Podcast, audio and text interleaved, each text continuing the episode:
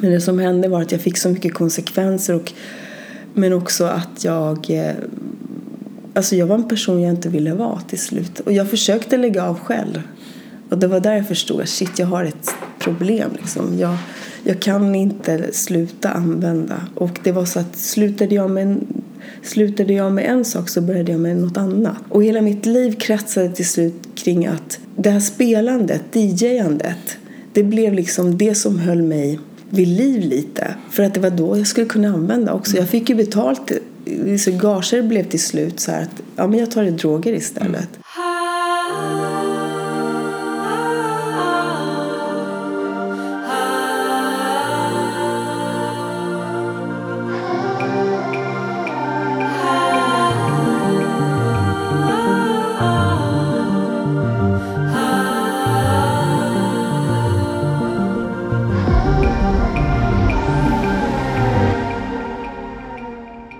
Palme Rydebrandt och du lyssnar på Queer Story.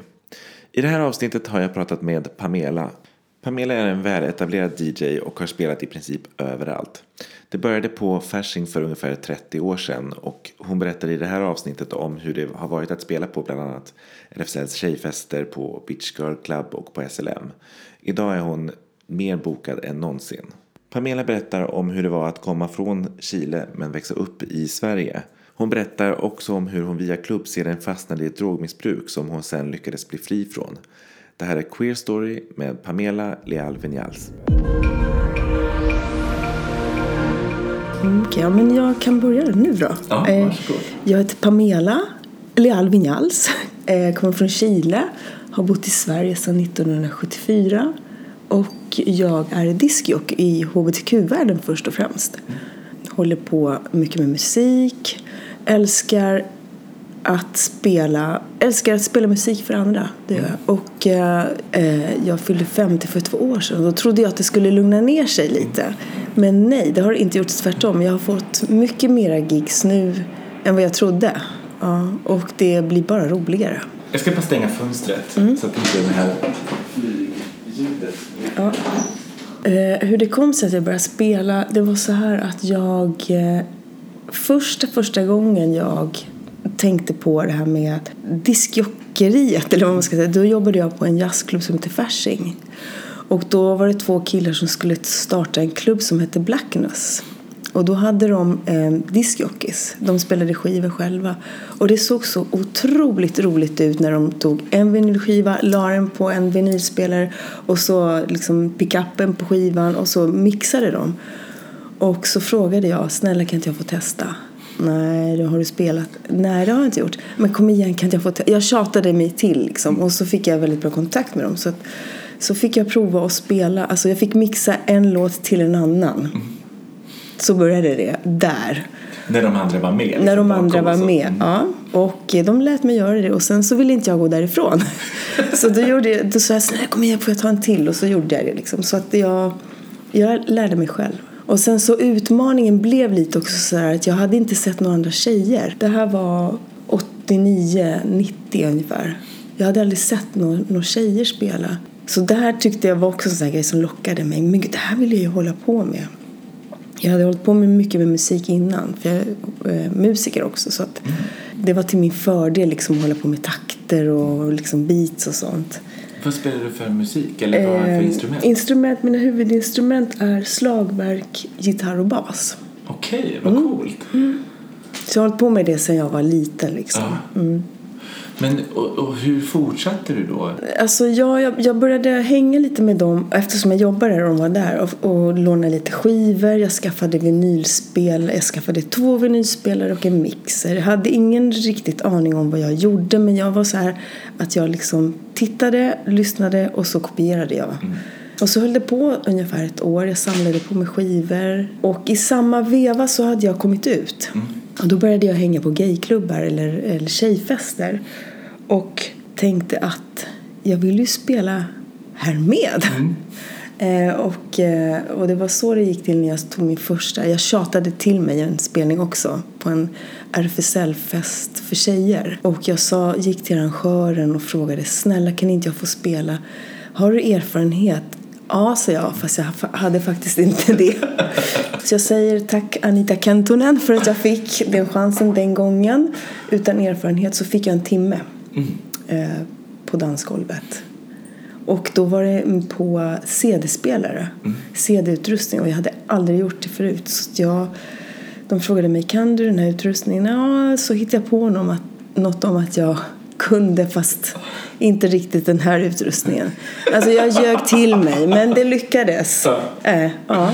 Och mina kompisar som var där de, var, de, de kände igen en gång stilen på att plötsligt så förändrades musikstilen liksom Okej. på den timmen. Ja. Jag körde ingen jag körde inget populärmusik eller schlager. Däremot så, hade jag, så körde jag låtar som jag hade fått av mina bögkompisar faktiskt som hängde på SLM. Nej, men då fick jag lite så här tung techno och då, då satte jag på då på den här tjejfesten i en timme.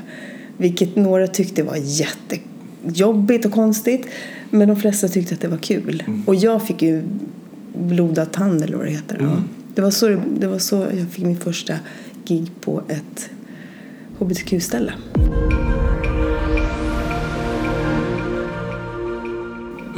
Du kommer ut i samband med det här? Eller liksom samma Ja, tid? sa, samma tid. För att alltså, allt, alltså, det gick så fort. Eller, alltså, för mig var det så. När jag, när jag kom ut så var det ungefär 1990. Och det var i samma, sa, i samma period som jag upptäckte DJ-andet också. Upptäckte också att gayvärlden och att gayvärlden hade också var, den var inte som jag trodde att den var utan de flickvänner jag var tillsammans med de öppnade upp dörrar för mig i, olika så här gayvärld. Jag, jag fick liksom tillträde till olika subkulturer i vår gay-community och, och, och, och parallellt med det här så, så fanns också musiken. Minns du vad, vad de här liksom fördomarna var och vad det sen var du liksom fick lära, Ja, ja. lära Min, om? mina fördomar, för, fördomar och förutfattade meningar var att de flesta lesbiska eh, såg ut som truckflat, alltså den här klassiska truckflatelooken, inte feminina för fem öre. Eh, och bögar tyckte om slager, populärmusik och var väldigt stylade.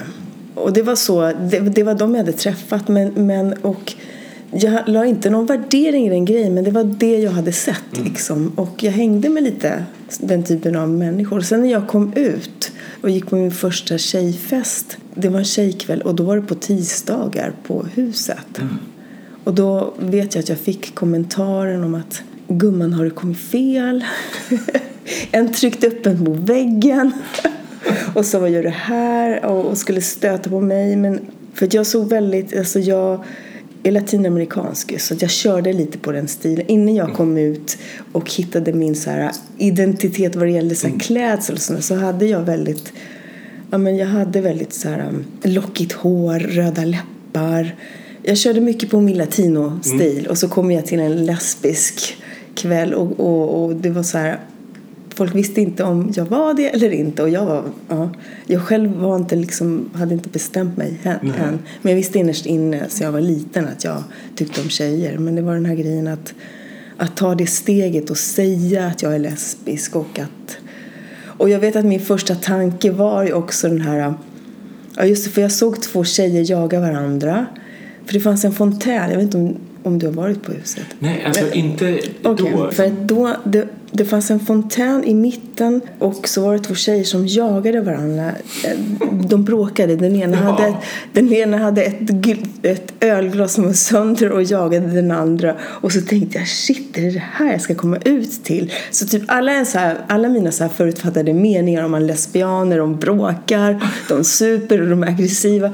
Det såg jag då. Mm.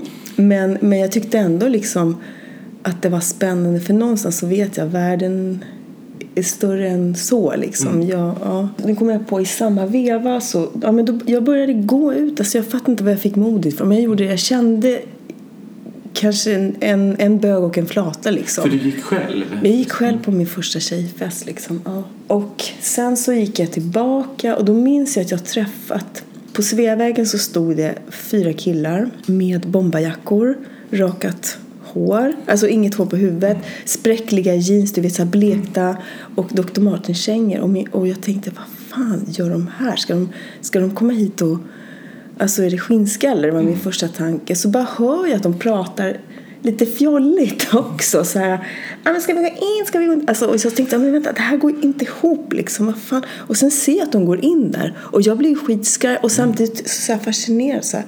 Och sen visar det sig så att något år efter så träffade jag dem när jag blev tillsammans med min tredje flickvän nere på dåvarande reporterredaktionen. Och då var det liksom så här SLM-bögar eller så här skinnskallebögar. Eller inte riktigt så, men de hade anammat den här... Ja, men då öppnades en ny värld för mig. Och då var det så här, också så här, men gud, det tyckte jag var så häftigt att Nej, men hur, hur mina fördomar och förutfattade meningar verkligen slogs hela tiden. Liksom. Och också den här grejen att komma från en, en annan kultur mm. vart ju också så uppenbart. Jag fick ju verkligen välja och liksom, okej, okay, kan jag stå upp för mig själv inför latinamerikanska mm. eller chilenska klanen också? Alltså som du, eh, ja, din jag, släkt eller? Liksom? Ja, eller alltså chilenare i Stockholm som kände min familj. Ah. Eh, för släkten, alltså det, nej, det är väl mer så här släkten, alltså min, mina, min, mina föräldrar och framförallt min mamma har alltid, sen jag kom ut, har stått bakom mig liksom. Hon kanske grät, två, eller hon grät, hon och min syster grät i två veckor och det var, de grät för att de var oroliga för hur världen skulle ta emot mig. Inte mer, inte så här, åh jag kommer inte få barnbarn, eller jag vill inte vara, men det är inte av de anledningarna utan det var mer Inte mot dig? Nej, utan, utan mot världen liksom så här, och oro. Så att jag är privilegierad att ha haft en sån otroligt stöttande familj liksom. Pappa tog lite längre tid. Det var några vändor och sen så accepterade han. Mm. Ja, men vad heter det?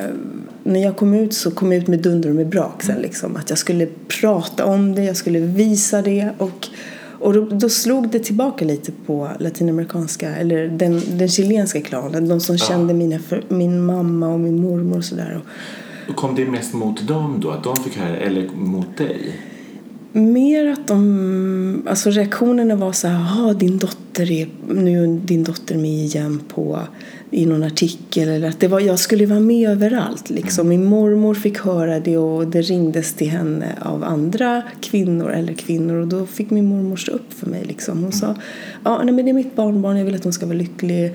Och, och hon bröt med någon väninna också minns jag som hade så här fördomar liksom. Och, eh, och för mig var det ännu mer så här för att vi kom ju till Sverige för att mina föräldrar var politiska flyktingar och inte fick tycka och tänka och säga vad de ville där.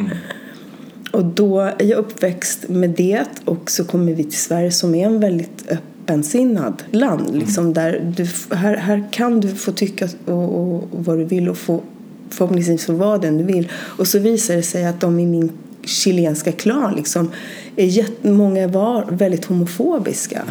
Och då går det inte ihop med det jag är uppväxt med. Liksom. Så att för mig var det sån här om ni säger att alla människor är lika mycket värda då får ni visa det också. Mm.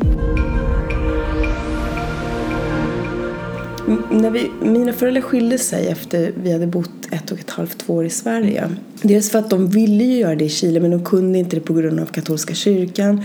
Och sen så kom vi till Sverige och även om det var en otroligt stark traumaupplevelse för dem att behöva fly och lämna ett land så det jag vet att min mamma upptäckte också var här kan hon utveckla sig själv och hon ville skilja sig liksom. Och min mamma var sån att hon hade, vi hade homosexuella vänner. Hon sa till mig en gång, det finns män som tycker om män, det finns kvinnor som tycker om kvinnor. Många accepterar inte dem, men i vår familj så gör vi det. Punkt. Så det hade jag i huvudet. Medan så åkte jag liksom varannan helg till min pappa och min pappa var en väldigt bestämd man, väldigt intelligent men väldigt, väldigt bestämd och hade starka åsikter som att eh, bögar ska vi kasta sten på. Och det berättade han för mig. Så jag hade två starka föräldrar med väldigt olika värderingar. Så det gjorde ju så att shit, det, här kommer inte jag... Det kommer... Alltså tror jag, hade, hade båda föräldrar haft samma värderingar som min mamma så hade jag kommit ut tidigare, jag är övertygad om. Liksom. För jag vet att jag, jag var nio år när jag förstod att jag tyckte om tjejer och att jag inte var som alla andra. På ett, så här, som ett barn kan förstå. Ja. eh, Liksom. Minns du vad det var som gjorde att du förstod? Mm. Det var att min lärare läste en, jag tror att det var någon så klassikersaga om en prins som ska rädda en prinsessa. Och då tänkte jag så här lite uttråkad så här, Åh, inte nu igen. Typ lite så. Som en nioåring. Jag vet inte. Ja. Eh, och då tänkte jag, nej, jag skulle vilja vara prinsen. Fast jag skulle vilja vara prinsessan som räddar en annan prinsessa. Eller så skulle jag vara prinsessa som blir räddad av en annan prinsessa. Och så gifte vi oss och lever lyckliga i alla våra dagar. Och då tänkte jag i samma ögonblick någonting om att nej men det här kan inte jag berätta. Det här är... För jag var alltid förälskad, betuttad i mina väninnor, i mina tjejbästisar Och liksom. förstod du att det var liksom att Mm, var... jag svärmade för dem. Ja. du vet, så här, det var precis när jag började få bröst också. Nio, åtta, nio år. Och gjorde så här saker som killarna gjorde och tjejerna tyckte att det var jätteroligt. Men Pamela, du är så busig. Och det tyckte jag var kul att få vara. Och jag sa så här, här är mina tjejer. Och så tog jag varsin tjej under armen och så gick jag på alla äpplen. Så där. så att jag, jag mådde ju skitbra i den lilla rollen liksom. Och sen förstod jag, det här är ett sätt för mig att... Ja, men det är ju ändå väldigt oskuldsfullt liksom. På ett, på ett barns nivå. Jag har ju fattat att jag... Jag, jag visste att jag tyckte om eh, flickor. Sen så började vi få... Sen så började vi liksom det här med brösten kommer och så här, Och då kände jag, jag kan inte leka den här leken längre.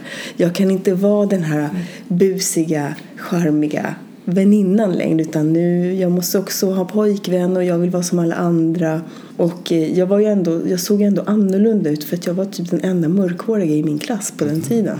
Det fanns inga andra som kom från andra länder. Så jag, hela tiden att vara den här minoriteten som ska visa att jag att jag skulle bli bäst i skolan också för att jag ville inte bryta på svenska till exempel, eller spanska menar jag. Ja. Så att jag hela tiden haft den här att jag vill vara som alla andra fast ändå inte li- liksom så här. Ja. Och jag tänker också just det när man märker att man också är annorlunda så vill man inte vara sämre. Nej, eller gud, ses nej, som nej. sämre. Nej. För att det var så här, när vi kom till Sverige så, så jag kunde ju inte ett ord svenska. Jag tyckte alla pratade som svenska kocken på riktigt. Alltså på riktigt, det var så här, men jag tyckte alla var så blonda och så fina ut. Och jag kände mig så fel och mörk. Jag hade ännu mörkare hår, liksom tjockt mörkt hår. Och, eh, men jag kunde skriva och jag kunde läsa och jag kunde räkna. För jag hade gått i skolan något år i Chile också. För hur gammal var du när du kom hit? Sex. Sex. Mm. Och då visste de inte, vi kom på sommaren, eh, mitt på, på, jag tror att det var midsommarafton till och med, 74, 24 juni. Och så, sen när skolan ska börja, då vet de inte om, alltså både mina föräldrar och den skolan visste inte om jag skulle börja ettan eller tvåan. Ettan för att jag var i rätt ålder. Men tvåan kanske för att jag kunde redan läsa, skriva och läsa. Eller läsa, skriva och räkna matte. Så jag låg ju före mina jämnåriga när det gällde liksom lite kunskaper. Men språket var jag kunde jag inte. Så att jag, jag, jag tror att jag fick byta, alltså jag överdriver inte, men jag gick kanske i fem olika skolor under mina från ettan till tvåan liksom. Fem eller sex. Ja, för att det var så här, var ska Pamela gå liksom? Och sen var jag så här att jag det var, jag var jättefrustrerad för att jag inte kunde språket och, och ville ha kompisar. Allt blev bara fel. Liksom. Och föräldrarna som mådde skitdåligt för att vi hade precis flytt ett land och sen så också att de inte kom överens för att de ville skiljas. Alltså det var, det var ganska kaotiskt liksom. Jag, jag var aldrig den som satt jag var ju inte den tysta flickan liksom, utan jag var tvärtom, jag var den som skulle ha uppmärksamhet på ett eller annat sätt liksom. Är det här i Stockholm? Det är allt, ja, allting, ja, vi kom till Stockholm och sen har jag stannat i Stockholm. Sen, så Stockholm är mitt, alltså det här är mitt hem, det här är mitt land. Liksom, så, att, ja, så, så att jag var annorlunda redan sen jag kom liksom. Och ville inte vara det. Ändå, men ändå behålla, behålla mig själv liksom. Men inte vara, inte liksom, jag blev bäst i skolan på svenska i alla fall. Så där, du vet, så här. Och duktig flicka var jag också. Så att jag var väl... Och försökte gå min egen väg också. Men ändå, jag ville inte... Ja, men det är hela tiden jag har fått slåss liksom på något sätt för att, för att inte... Ja, men för att kunna vara jag. Så, ja.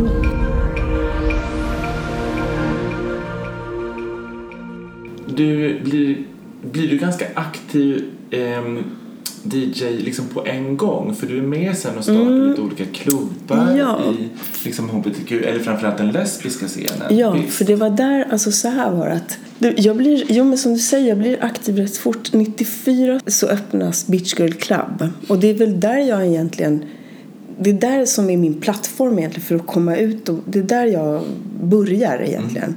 Och det är Birgitta Jakobsson, Asynja Gray och Anna om du kommer inte ihåg vad Anna heter efternamn. Men de tre startar en klubb och så frågar de mig om jag vill vara med. Och det ska vara en lesbisk klubb där alla önskningar musikmässigt ska, ska tillgodoses. Och, jag menar, det fanns inget annat just då.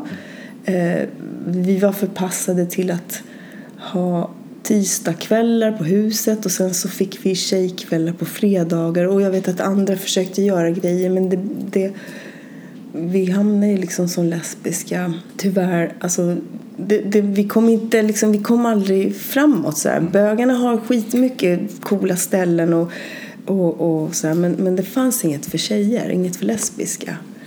Så då startade vi den där klubben och det blir en succé. Den höll i sig i väldigt, minst åtta år. Var låg den någonstans? Eh? Kolingsborg. Mm. Och det var faktiskt ett, en period så var det Skandinaviens största lesbiska klubb. Så det har varit otroligt kul att få ha liksom börjat där. Och det var därifrån sen som jag ganska snabbt började också spela på andra ställen. Hur funkade det?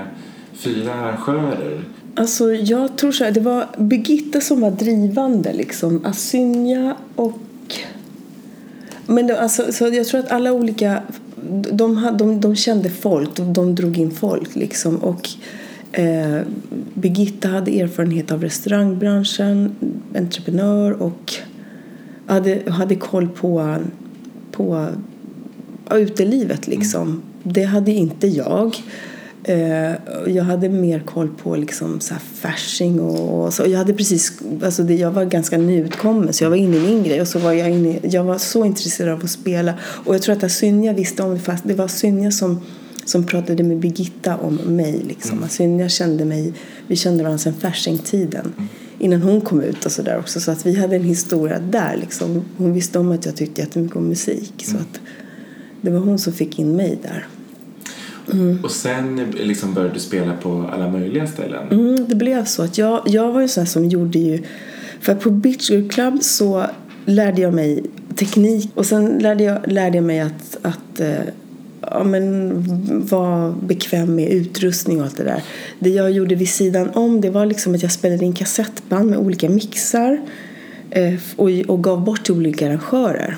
Och, det, och, och jag och, och eh, den musiken som jag spelade på Beach Girl Club var inte det som jag egentligen personligen brann för. Liksom. Utan jag hade ju upptäckt, i samband med att jag kom ut så upptäckte jag också att det fanns ju väldigt mycket klubbar där mycket hbtq-människor gick. Mest bögar dock, men att där, där var musiken det centrala. Det, alltså det var ett ställe som hette Le Garage som låg på Herkulesgatan där jättemycket bögar gick. Och så gick man till Docklands och det fanns Love alltså som några arrangörer från Göteborg gjorde i Stockholm på Cirkus. Alltså det var jättestora fester där musiken var, det var, där musiken var det viktigaste. Alltså Vad var det, det som, för musik? Ja, det var mycket tech house, mycket alltså klubb, alltså house från Detroit, Chicago, New York som var från klubbarna därifrån liksom. Och där mycket bögar, främst bögar, gick. Mm. Och det där fastnade jag för, för jag tyckte att det var eh, jag, jag, jag gillade liksom så här strofer som handlade om Let's go to the paradise. Jag menar, eh, mycket som handlade om kärlek, att få vara den man är. Men också jag gillade soundet jag gillade rytmerna och jag gillade bitet och att det var så frigörande att kunna få gå på en klubb och, få vara, och verkligen få vara den du är. I alla fall en timme, två timmar liksom. Mm. Och då minns jag att jag var där med mina bögkompisar och den flickvän jag var tillsammans och det där var för mig var så här skitkul liksom. Och det där vill jag också då få vara med om att göra, alltså att spela. Mm.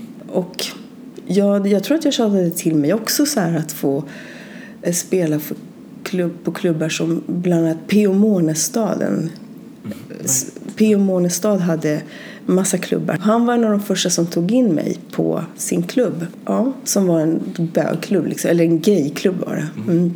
Och eh, Ulrich Bermsjö tog också in mig. Det är också en så här legendarisk klubbarrangör. Ja.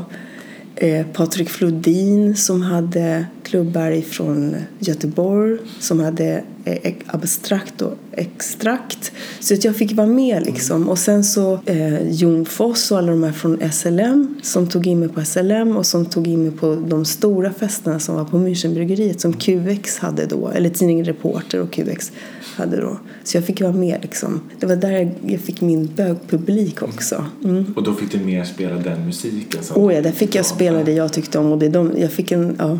Det är roligt, jag fick höra att du berättade om när du spelade på SLM mm. och du blev in, vad ska man säga? Ja, första gången, jo så här var det att eh, SLM har ju ja, men sina liksom, eh, vad ska man säga, sina, det är en speciell kultur som, som alltså de, man, man har sin dresscode och där, alltså om det är bara för killar så är det det liksom, strictly för, för män. Och Sen fanns det något liknande för tjejer som jag tror hette Lash och då fick ju tjejer vara med och ibland så hade SLM mixade kvällar och då var det, då var det SLM och då var det några som hette Rainbow tror jag att det var eller, och som var straighta och så var det Lash. Men det blev ofta fel för att de från Rainbow, de killarna stötte på tjejerna och tjejerna stötte på killarna och det blev inte så bra Nej. faktiskt.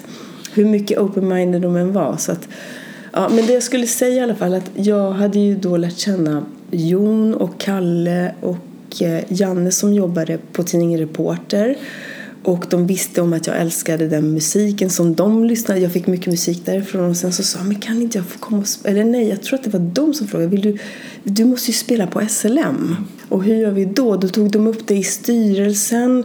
Ja, men hur ska vi göra? Pamela är ju kvinna och det spelar ingen roll att hon är lesbisk utan det, det här är ju bara för killar. Ja men då gör vi så här att eh, vi tar in Pamela men så plastar vi in båset med svart plast så syns hon inte och så berättar vi det för våra gäster att ja, det, den, den som spelar är en kvinna och därför syns, ska hon inte synas. Och jag köpte ju det. Mm. Alltså, jag vet att det var några av mina lesbiska väninnor bara men hur fan kan du ställa upp på det där? Det ju, det, och då sa jag så här, men vänta, jag förstår konceptet. Det är en subkultur, det ska vara på det sättet och nu är jag inbjuden till att spela där så jag, jag tar det liksom.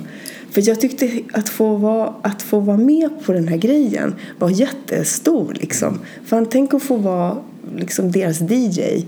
Och då arrangerade de på det sättet. Det var på den tiden man fick röka. Mm. Så jag står och spelar där och då hade mina kompisar gjort så små hål i båset så, så blåste de in röken och så ropade de Pamela. Och så här. Ja, så det, var, jag tyckte, det var jätteroligt. Så det var så första spelningen på SLM var. Och sen har jag fått komma tillbaka och då utan att de har placerat in det. Utan ibland så har de informerat gästerna. Mm. Idag eller ikväll så spelar Pamela och, eh, och det är väl det som också så här skördar frukter av det jag ändå fått vara med om och ändå gjort och bidragit också mm. faktiskt till vår hbtq-värld. Jag är fortfarande en av de som, eller den enda kvinnan som har fått spela på SLM. Liksom. Och som av tradition så har det blivit så nu att jag får ju spela på varje Baltic Battle, mm. vilket jag tycker är så roligt. Det som händer där stannar där, mm. men det är så roligt. Liksom. Jag tycker det är skitroligt. Och det är också, där, där får jag spela, jag får verkligen tänja på gränserna musikmässigt och jag får sån uppskattning också. Att det känns sådär, jag är jättetacksam att få spela där, för att det, det är en, det finns ingen annanstans liksom. Mm. Jag tänker, du har ju varit ganska öppen med att du har levt eh, i, eller med ett missbruk. Mm. Hur, och att du idag lever helt drogfritt. Mm. Hur upptäckte du liksom att, det var, att du gjorde det? Det som hände var så att när jag jag var ju som jag berättade lite, jag var så otroligt ordentlig och duktig flicka och jag var så här, jag hade ett etablerat socialt liv och jobbmässigt och allting eh, och höll inte alls på med droger eller drack inte speciellt mycket. Liksom. Jo, vi flator kunde dricka, liksom. det var liksom, men det var inte min grej ändå. Liksom. Men så, när jag kom, det, det, det, var så att när jag kom in i gayvärlden och speciellt i klubbvärlden bland bögar var det faktiskt i det etablissemanget så fanns, förekom det också droger. Och jag och den flickvännen som jag var tillsammans med då, vi var så här otro, kände så här privilegierade som blev bjudna på de här festerna och där, och där det fanns droger. och och från att ha varit en sån som sa nej, jag ska inte ha någonting så började jag, okej, okay, men jag testar liksom. Och det som hände var att den här, där när jag testade första gången så kände jag, det, det, det, då kände jag i mig så här, shit, det här var ju hur bra som helst. Jag kände en känsla av att oj, jag slipper ta ansvar. Alltså för mig var det så här, det var, ja men det här är lösningen på hur mycket som helst. Jag kan säga så här, alla lider inte av så här beroendesjukdomen. Jag har det liksom då visste inte jag vad det skulle komma till att innebära liksom, när jag tog den första drogen. Men den känslan var att den känslan var så stark och det var den känslan jag ville uppnå resten av mitt användande som pågick i flera år. Men då minns jag att när jag tog den här drogen och den drogen var ecstasy första gången som jag kände så. Då kände jag att oj, det här, det här, det här kommer inte jag vilja sluta med. Men jag tar det sen. Mm. Så att jag, alltså jag visste om det här. Men jag hade ingen aning om hur det skulle bli. Och jag tror så här att jag sitter ju här idag och liksom, eh, jag ångrar ingenting. Men jag vill inte upprepa samma grej liksom. Men du menar att du mm. visste att du skulle att du såg det komma, att här, här finns det risk för beroende? Eller liksom inte, du... jag, kunde, jag skulle aldrig kunna sätta ordet beroende för jag Nej, visste inte det. Liksom jag hade ingen aning men jag kände, alltså den känslan jag hade och den tanken jag tänkte var det här kommer inte jag vilja sluta med. Det var typ de orden. Det här kommer inte jag vilja sluta med. Det kommer förmodligen vara ett problem mm. men jag tar det sen. Mm. Om jag ska liksom sätta ord på den känslan så var det så. Exakt så. Mm. Nej, men alltså, och så tänkte jag mycket, ja men det här tar jag sen. Ja men terapi är skitbra för andra. Inte för mig, jo kanske, men jag tar det sen. Så var det med många saker i livet när jag var yngre. Liksom. Mm. Men i alla fall det här med droger och eh, det som hände var att det här fest, alltså, och, och det, jag kallade det för att vi festade och det gjorde vi ju.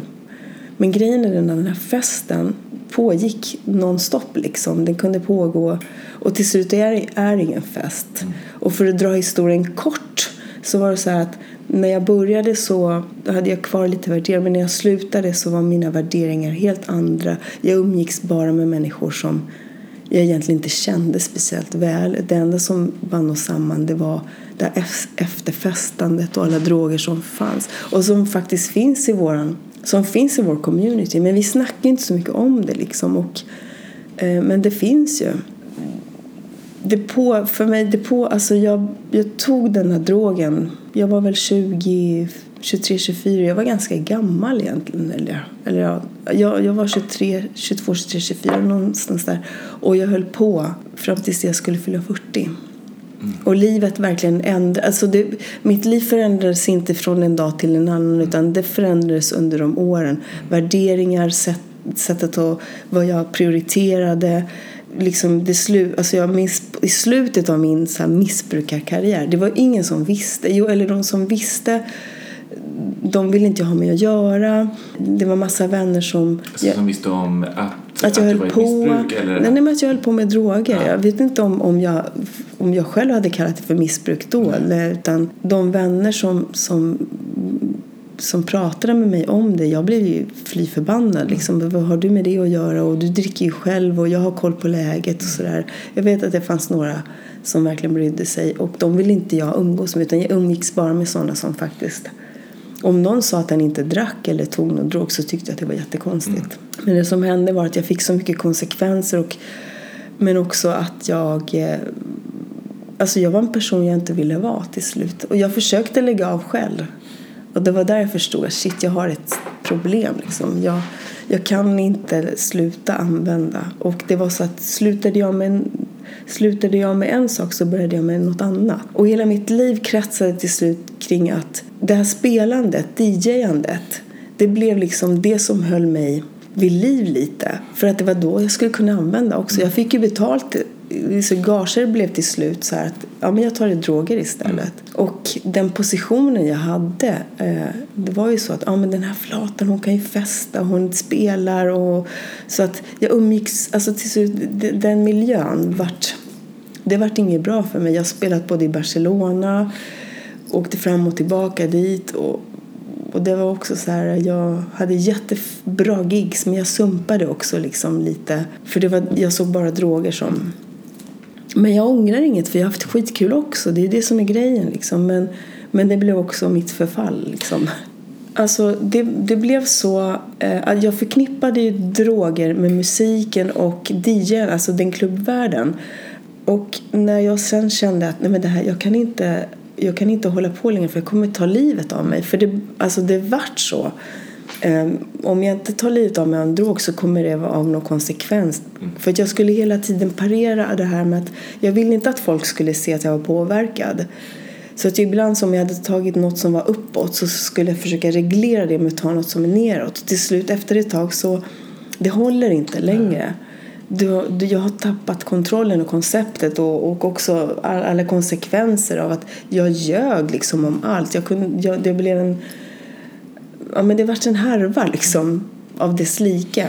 Och sen också till slut när, när jag kan inte, jag kan inte fejsa min familj ens en gång liksom. Och, eh, och det jag ville säga med jag ångrar inget för att när jag väl insåg att det här fixar inte jag själv, jag behöver hjälp så tog jag kontakt med SOS och bad om att få komma till ett behandlingshem. Och jag var så här, liksom, det är på liv och död. Mm. Jag behöver hjälp. För jag, jag vet inte hur jag ska sluta använda droger. Det var precis så jag sa. Det var när jag kom till behandlingshemmet och förstod att jag hade en beroendesjukdomen som jag också förstod att okej, okay, jag kan inte göra någonting åt vad som har hänt men däremot så kan jag göra någonting åt från nu och framåt liksom. Och då är det också så här att det är ingen idé att jag ångrar vad, jag har, vad som har hänt. För visst finns det grejer jag har gjort som jag bara, åh, jag önskar att jag inte hade gjort det. Men det är ingen idé att jag ångrar det för att om jag ska plåga mig själv med den grejen, då kan inte jag sitta här liksom. Å andra sidan, jag har varit med om, jag liksom känner så att jag har fått, alltså jag, jag överlevde liksom. Och jag har hållit mig drogfri sen, sen dess liksom. Då, då, då ångrar inte jag något. Om du förstår vad jag menar? Ja, jag alltså, essensen i den grejen är, mm. Är djupare. Jag vet inte. Men det är också mm. svårt att eh, rikta framåt om man ska grubbla över det som har varit bakom. Ja, för det hjälper. Alltså, du kommer inte komma framåt. Och det är samma sak i den här grejen. Det är ingen idé att jag håller på att oroa mig för vad som kommer hända imorgon egentligen. Du har ingen aning om vad som händer alltså när jag cyklar härifrån. Jag kan bli påkörd mm. eller inte. Men alltså att ha lite, det, det jag har lärt mig liksom nu när jag har varit drogfri också, det är att ha lite så här ödmjukhet och respekt inför livet och att allting är på Även om, alltså för mig kan det vara på liv och död att, att inte använda igen. Det kan kosta mig livet för jag är inte måttlig. Det finns ingen chans att jag är måttlig. Jag kommer inte, om, någon, om jag ska börja dricka, jag kommer inte, ja, jag kanske tar ett litet glas. Men nästa gång vill jag ha mer. Nästa gång går jag på något annat. Så jag har respekt för den grejen. Men samtidigt också parallellt med det, allt är inte på liv och död. Liksom, fan, jag kan inte ta mig själv på så stort allvar. Allt handlar inte om mig, det handlar om så mycket annat. Så det gäller att hitta den här balansen liksom. Och med den inställningen så, så är det ganska skönt att leva ja. liksom. Hur är det liksom när du spelar nu för tiden? Har du märkt någon skillnad i liksom hur... Ja, absolut. Alltså så här, det, det, det först, mina två första år som drogfri och clean överhuvudtaget så spelade inte jag. jag. Så här var det. När jag blev clean så var det en stor sorg också över att okej, okay, ja, vilka ska jag umgås med? Hur kommer mitt liv vara? Kommer mitt liv, åh oh, nej, mitt liv kommer bli så jävla tråkigt nu. Det var det jag trodde. Och vilka ska jag umgås med? Och musik kunde inte jag lyssna på. För jag förknippade det med, så fort jag hörde en liten takt eller ett ljud eller vad som, jag förknippade det med droger. Och jag kände så här, men alltså, livet kan inte, fan ska livet vara så här liksom? Så jag var ganska deppig. Eller ja, jag, jag sörjde liksom och så visste inte jag, men hur sjutton ska det vara så här? Och sen så, genom att träffa andra människor som är som jag, men också som kanske har gått för, som har liksom levt nykter och drogfritt Eh, och gör, ser ut att må bra. Och, så, jag, så jag sökte mig, liksom, jag, ville, jag, ville, jag, jag läste mycket biografier som handlade om, om musiker eller diskjockeysar som, som hade levt i ett missbruk och som levde rent nu. Alltså, jag sökte mig mycket till sånt och det, var, det peppade mig för jag tänkte okej okay, det här det måste ju kunna finnas ett nytt sätt att leva liksom rent bokstavligt också. Liksom. Ja, och jag började outa mig för mina gamla arrangörer och sådär och berätta, berätta som det var. Och, och jag fick liksom olika möjligheter och chanser att, att testa på sådär. Upplevde du att de var väldigt liksom respektfulla Absolut, mot din process? alltså, ja. Och det var så här, jag fattade på en gång vilka jag kan prata med och vilka jag inte kan prata med. Och min, min det som är skillnad idag på din fråga det är liksom att idag så, alltså jag har ju, jag mixar på ett annat sätt. Även om jag var bra tekniskt då, det är en helt annan, jag är närvarande hela Mm. tiden liksom. När det gäller att eh, spela musik liksom. Men också den här grejen att det som har hjälpt mig det är att outa mig själv för arrangörer, folk i min omgivning. För den här, den här miljön kommer alltid finnas. Den lättaste drogen för mig att, att ta det är ju faktiskt alkohol. Alltså det liksom, ligger alltid inom en räckhåll. Men, men, men det är inte det som... Jag vill inte den grejen. Jag, vill kunna, jag får ju en kick av att spela musik och se folk dansa. Eller få, jag får ju mitt ego och mitt annat. Alltså det är en massa bitar som, som faller på plats när jag står där och spelar. Även om det handlar om en timme eller flera timmar. Sen är jag också så här, jag ser till att äta och sova. Går och lägger mig när jag har spelat klart. Jag efterfestar inte. För det var det också det, det som jag gjorde skitmycket liksom. Eftersom du har den erfarenheten av att spela också och du Mm. är etablerad så märker du ju också om en arrangör inte tar dig på allvar. Ja men så har det hänt också. Och grejen är den att, för jag brukar tänka så här, jag är inte den som ska tala om för någon annan gör inte si, gör inte så. Men det som har hänt det är att folk ibland kommer till mig och de vet ju om min historia så här, så att om jag kan om jag, det är mitt sätt då liksom kanske stötta eller hjälpa någon. Men, men däremot om jag ska på ett jobb och då berättar jag så här är det för mig. Jag kommer inte ändra på ett ställe för att de har alkohol eller det förekommer droger och sådär. Men jag outar mig själv så att jag kan åtminstone kunna stå skyddad i min bås. Liksom. Och för att jag väl, det här väljer jag ju själv. Liksom. Jag tycker ju om att spela musik. Sen kan jag tycka att fan det är jävligt mycket grejer som finns i våran värld. Liksom som jag kan ha en massa synpunkter på. Liksom. Men eh, jag är inte den som ska tala om. Däremot så kan jag tala om hur jag önskar och vill ha det om jag ska till ett ställe och de vill att jag ska spela. Och speciellt nu när jag är öppen om det i alla fall. Liksom. Ja. Om jag får, jag får åka utomlands ibland och spela då brukar jag säga ja, jag delar gärna lägenhet med de här personerna men jag vill inte ni behöver inte bjuda mig på alkohol. Jag vill inte ha drinkbiljetter. Alltså, jag, jag berättar så här, detaljer som hjälper mig också. Det är för att, hålla, för att skydda mig. Liksom. Men i början så var det verkligen så. Jag visste ju inte. Så vi är ju vana, jag vet inte hur du är, men vi är ju vana så att när man ska träffa någon eller vara folk i sociala sammanhang så säger man, ska vi ta en drink, ska vi ta en öl? Mm. Jag var så van att säga den grejen. Så i början visste inte jag hur jag skulle säga till folk, ska vi ta en fika? Det kändes så här jättekonstigt. Idag tycker jag inte att det är konstigt, Nej. men det all, hur, hur, hur det också ändras. Hur, hur djupt det kan sitta liksom. Att de här sociala koderna och att eh, i början när jag sa att jag dricker inte så var det en stor grej att säga det. Jag kände mig dum. Jag, kunde, jag kände mig liksom, jag skämdes lite mot sådär. om du skulle dejta någon eller liksom Ja, eller överhuvudtaget i sociala sammanhang. Liksom. Hur gör man? Och för att alkohol är ju det som finns. Alltså det är till, tillgängligt överallt och det är många samlas kring det. Ibland så tänker jag så här när jag kollar på flödet på min Instagram i början på sommaren. Alla roséglasen som så här, här är jag nu, här är jag nu. Så, här, så tänker jag, ja, ja, men jag är inte där liksom. Men jag reflekterar över den grejen. Det hade inte jag gjort för några år sedan liksom. Det, hade ju, det, var, det, var, det är nat- naturligt liksom. Så, ja. Du har ändå eh, varit öppen med detta och så som du säger att folk Mm. känner till din historia och sådär. Vad har du fått liksom för reaktioner? Inte bara från då arrangörer och så utan Mm. I stort kanske man kan säga.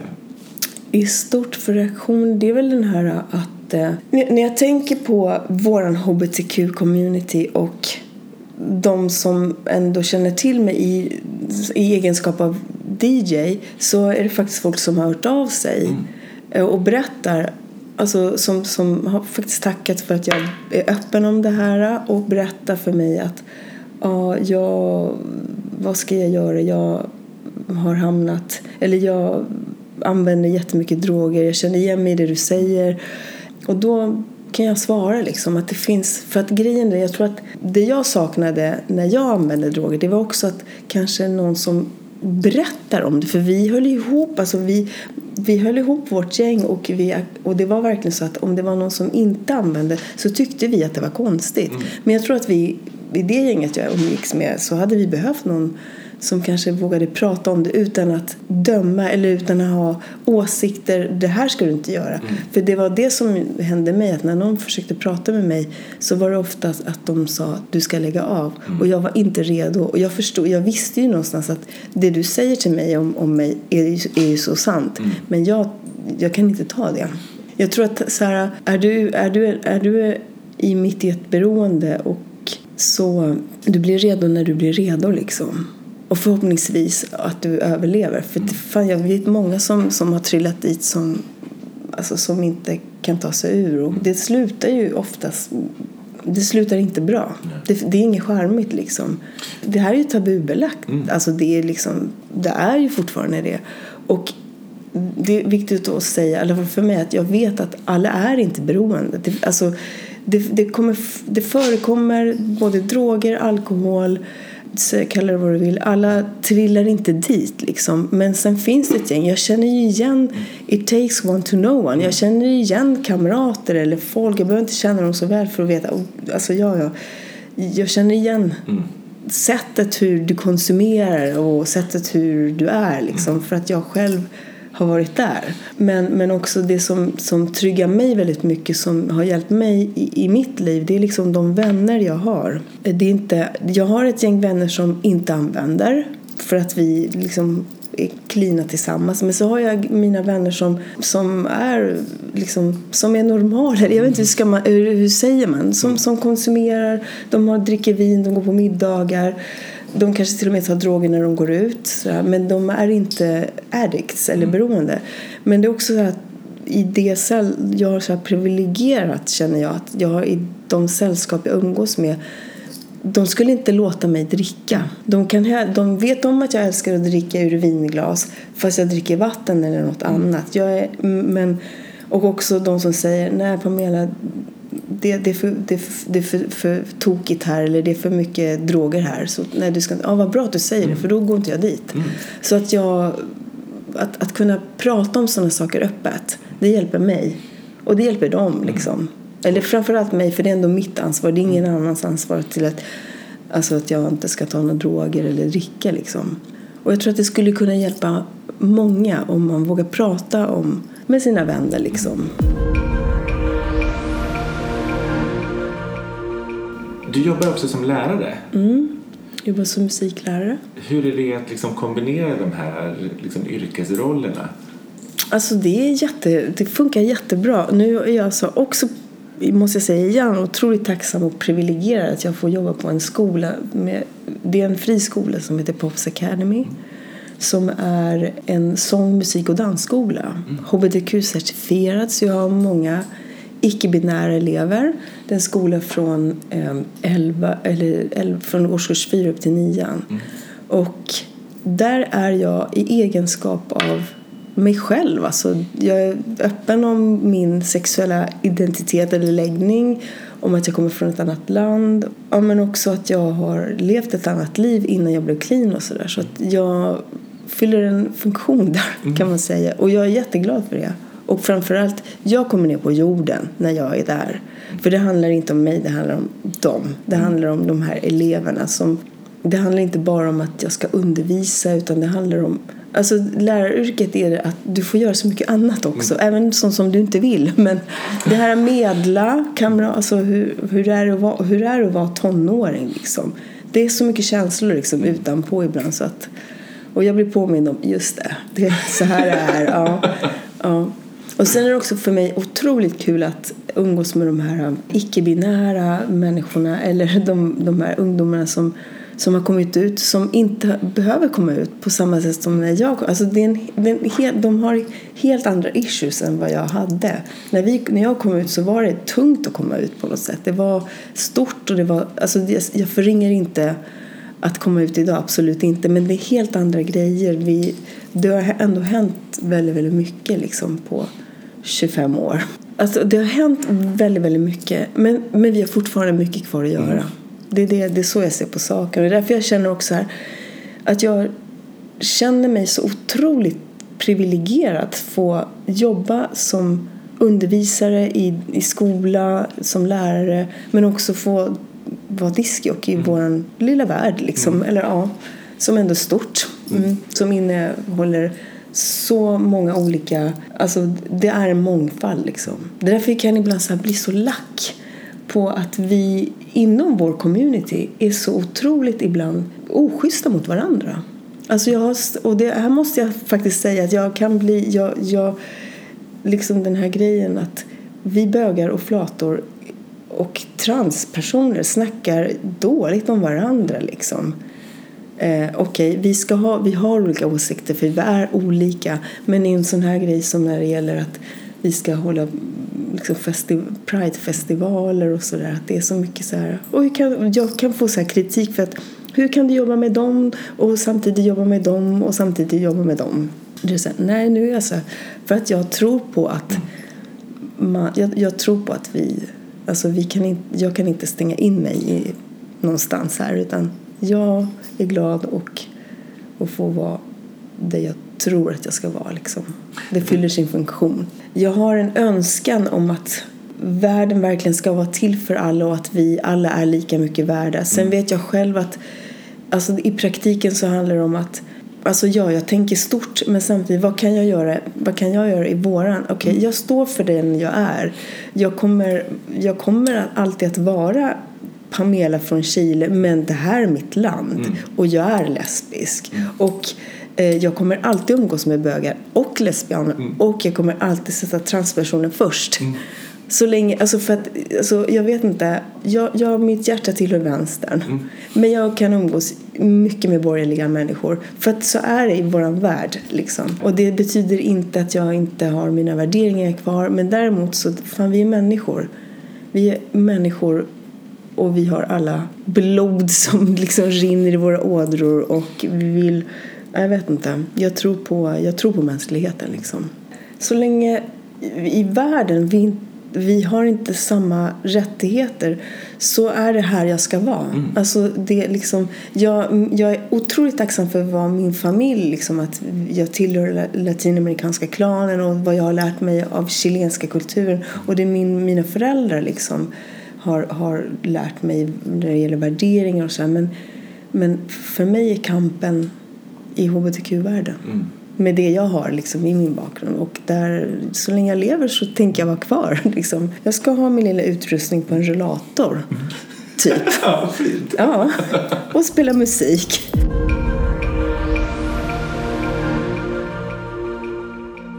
Om du skulle helt fritt från ditt liv mm. få välja en situation eller händelse som du skulle vilja se gestaltad på något sätt, alltså få återuppleva den. Vilken situation skulle du välja då? Jo men alltså vet du vad? Jag, kom, det, jo, men jag tänker på när min mormor och min moster, min, mor, min, min mormor kom hit två år efter vi hade kommit. Eh, så var min mormor på besök, eller moster på besök och det här måste varit, kan det ha varit 97 eller 98? Eller nej, 97 och så är det en, eh, de, mamma har dragit dit dem, just det, Humlegården, eh, homovecka. Det hette inte Priden, det, det var precis innan. Och de råkar vara klädda i lila. och då min lillebrorsa är med och min, min, bro, min lillebror, och just det, då finns Jon och Kalle och Mian, alla de här som jag hängde med då. Alla, och då, den, här, den här situationen är så jävla rolig för att mormor hänger inte riktigt med. Hon förstår att det här är homosexuella. Min moster hänger inte heller riktigt med. Och min lillebrorsa som då, vad var han? Då måste han ha varit kanske åtta eller nio år. Och mamma säger samma sak som hon sa till mig när jag var liten. Det finns män som tycker om män, kvinnor som tycker om kvinnor. Många accepterar inte dem, men vi i vår familj gör det. Mm. Och det här är, eh, och nu ska vi fira. Och så är de alla där och alla mina vänner hälsar på dem och de pratar lite spanska. Så att, ja, men den faktiskt, den är skitfin. Jag ser det framför mig. Ja, mm. ja. Tack snälla du för att jag fått prata med dig. Ja, och tack för att jag fick vara med.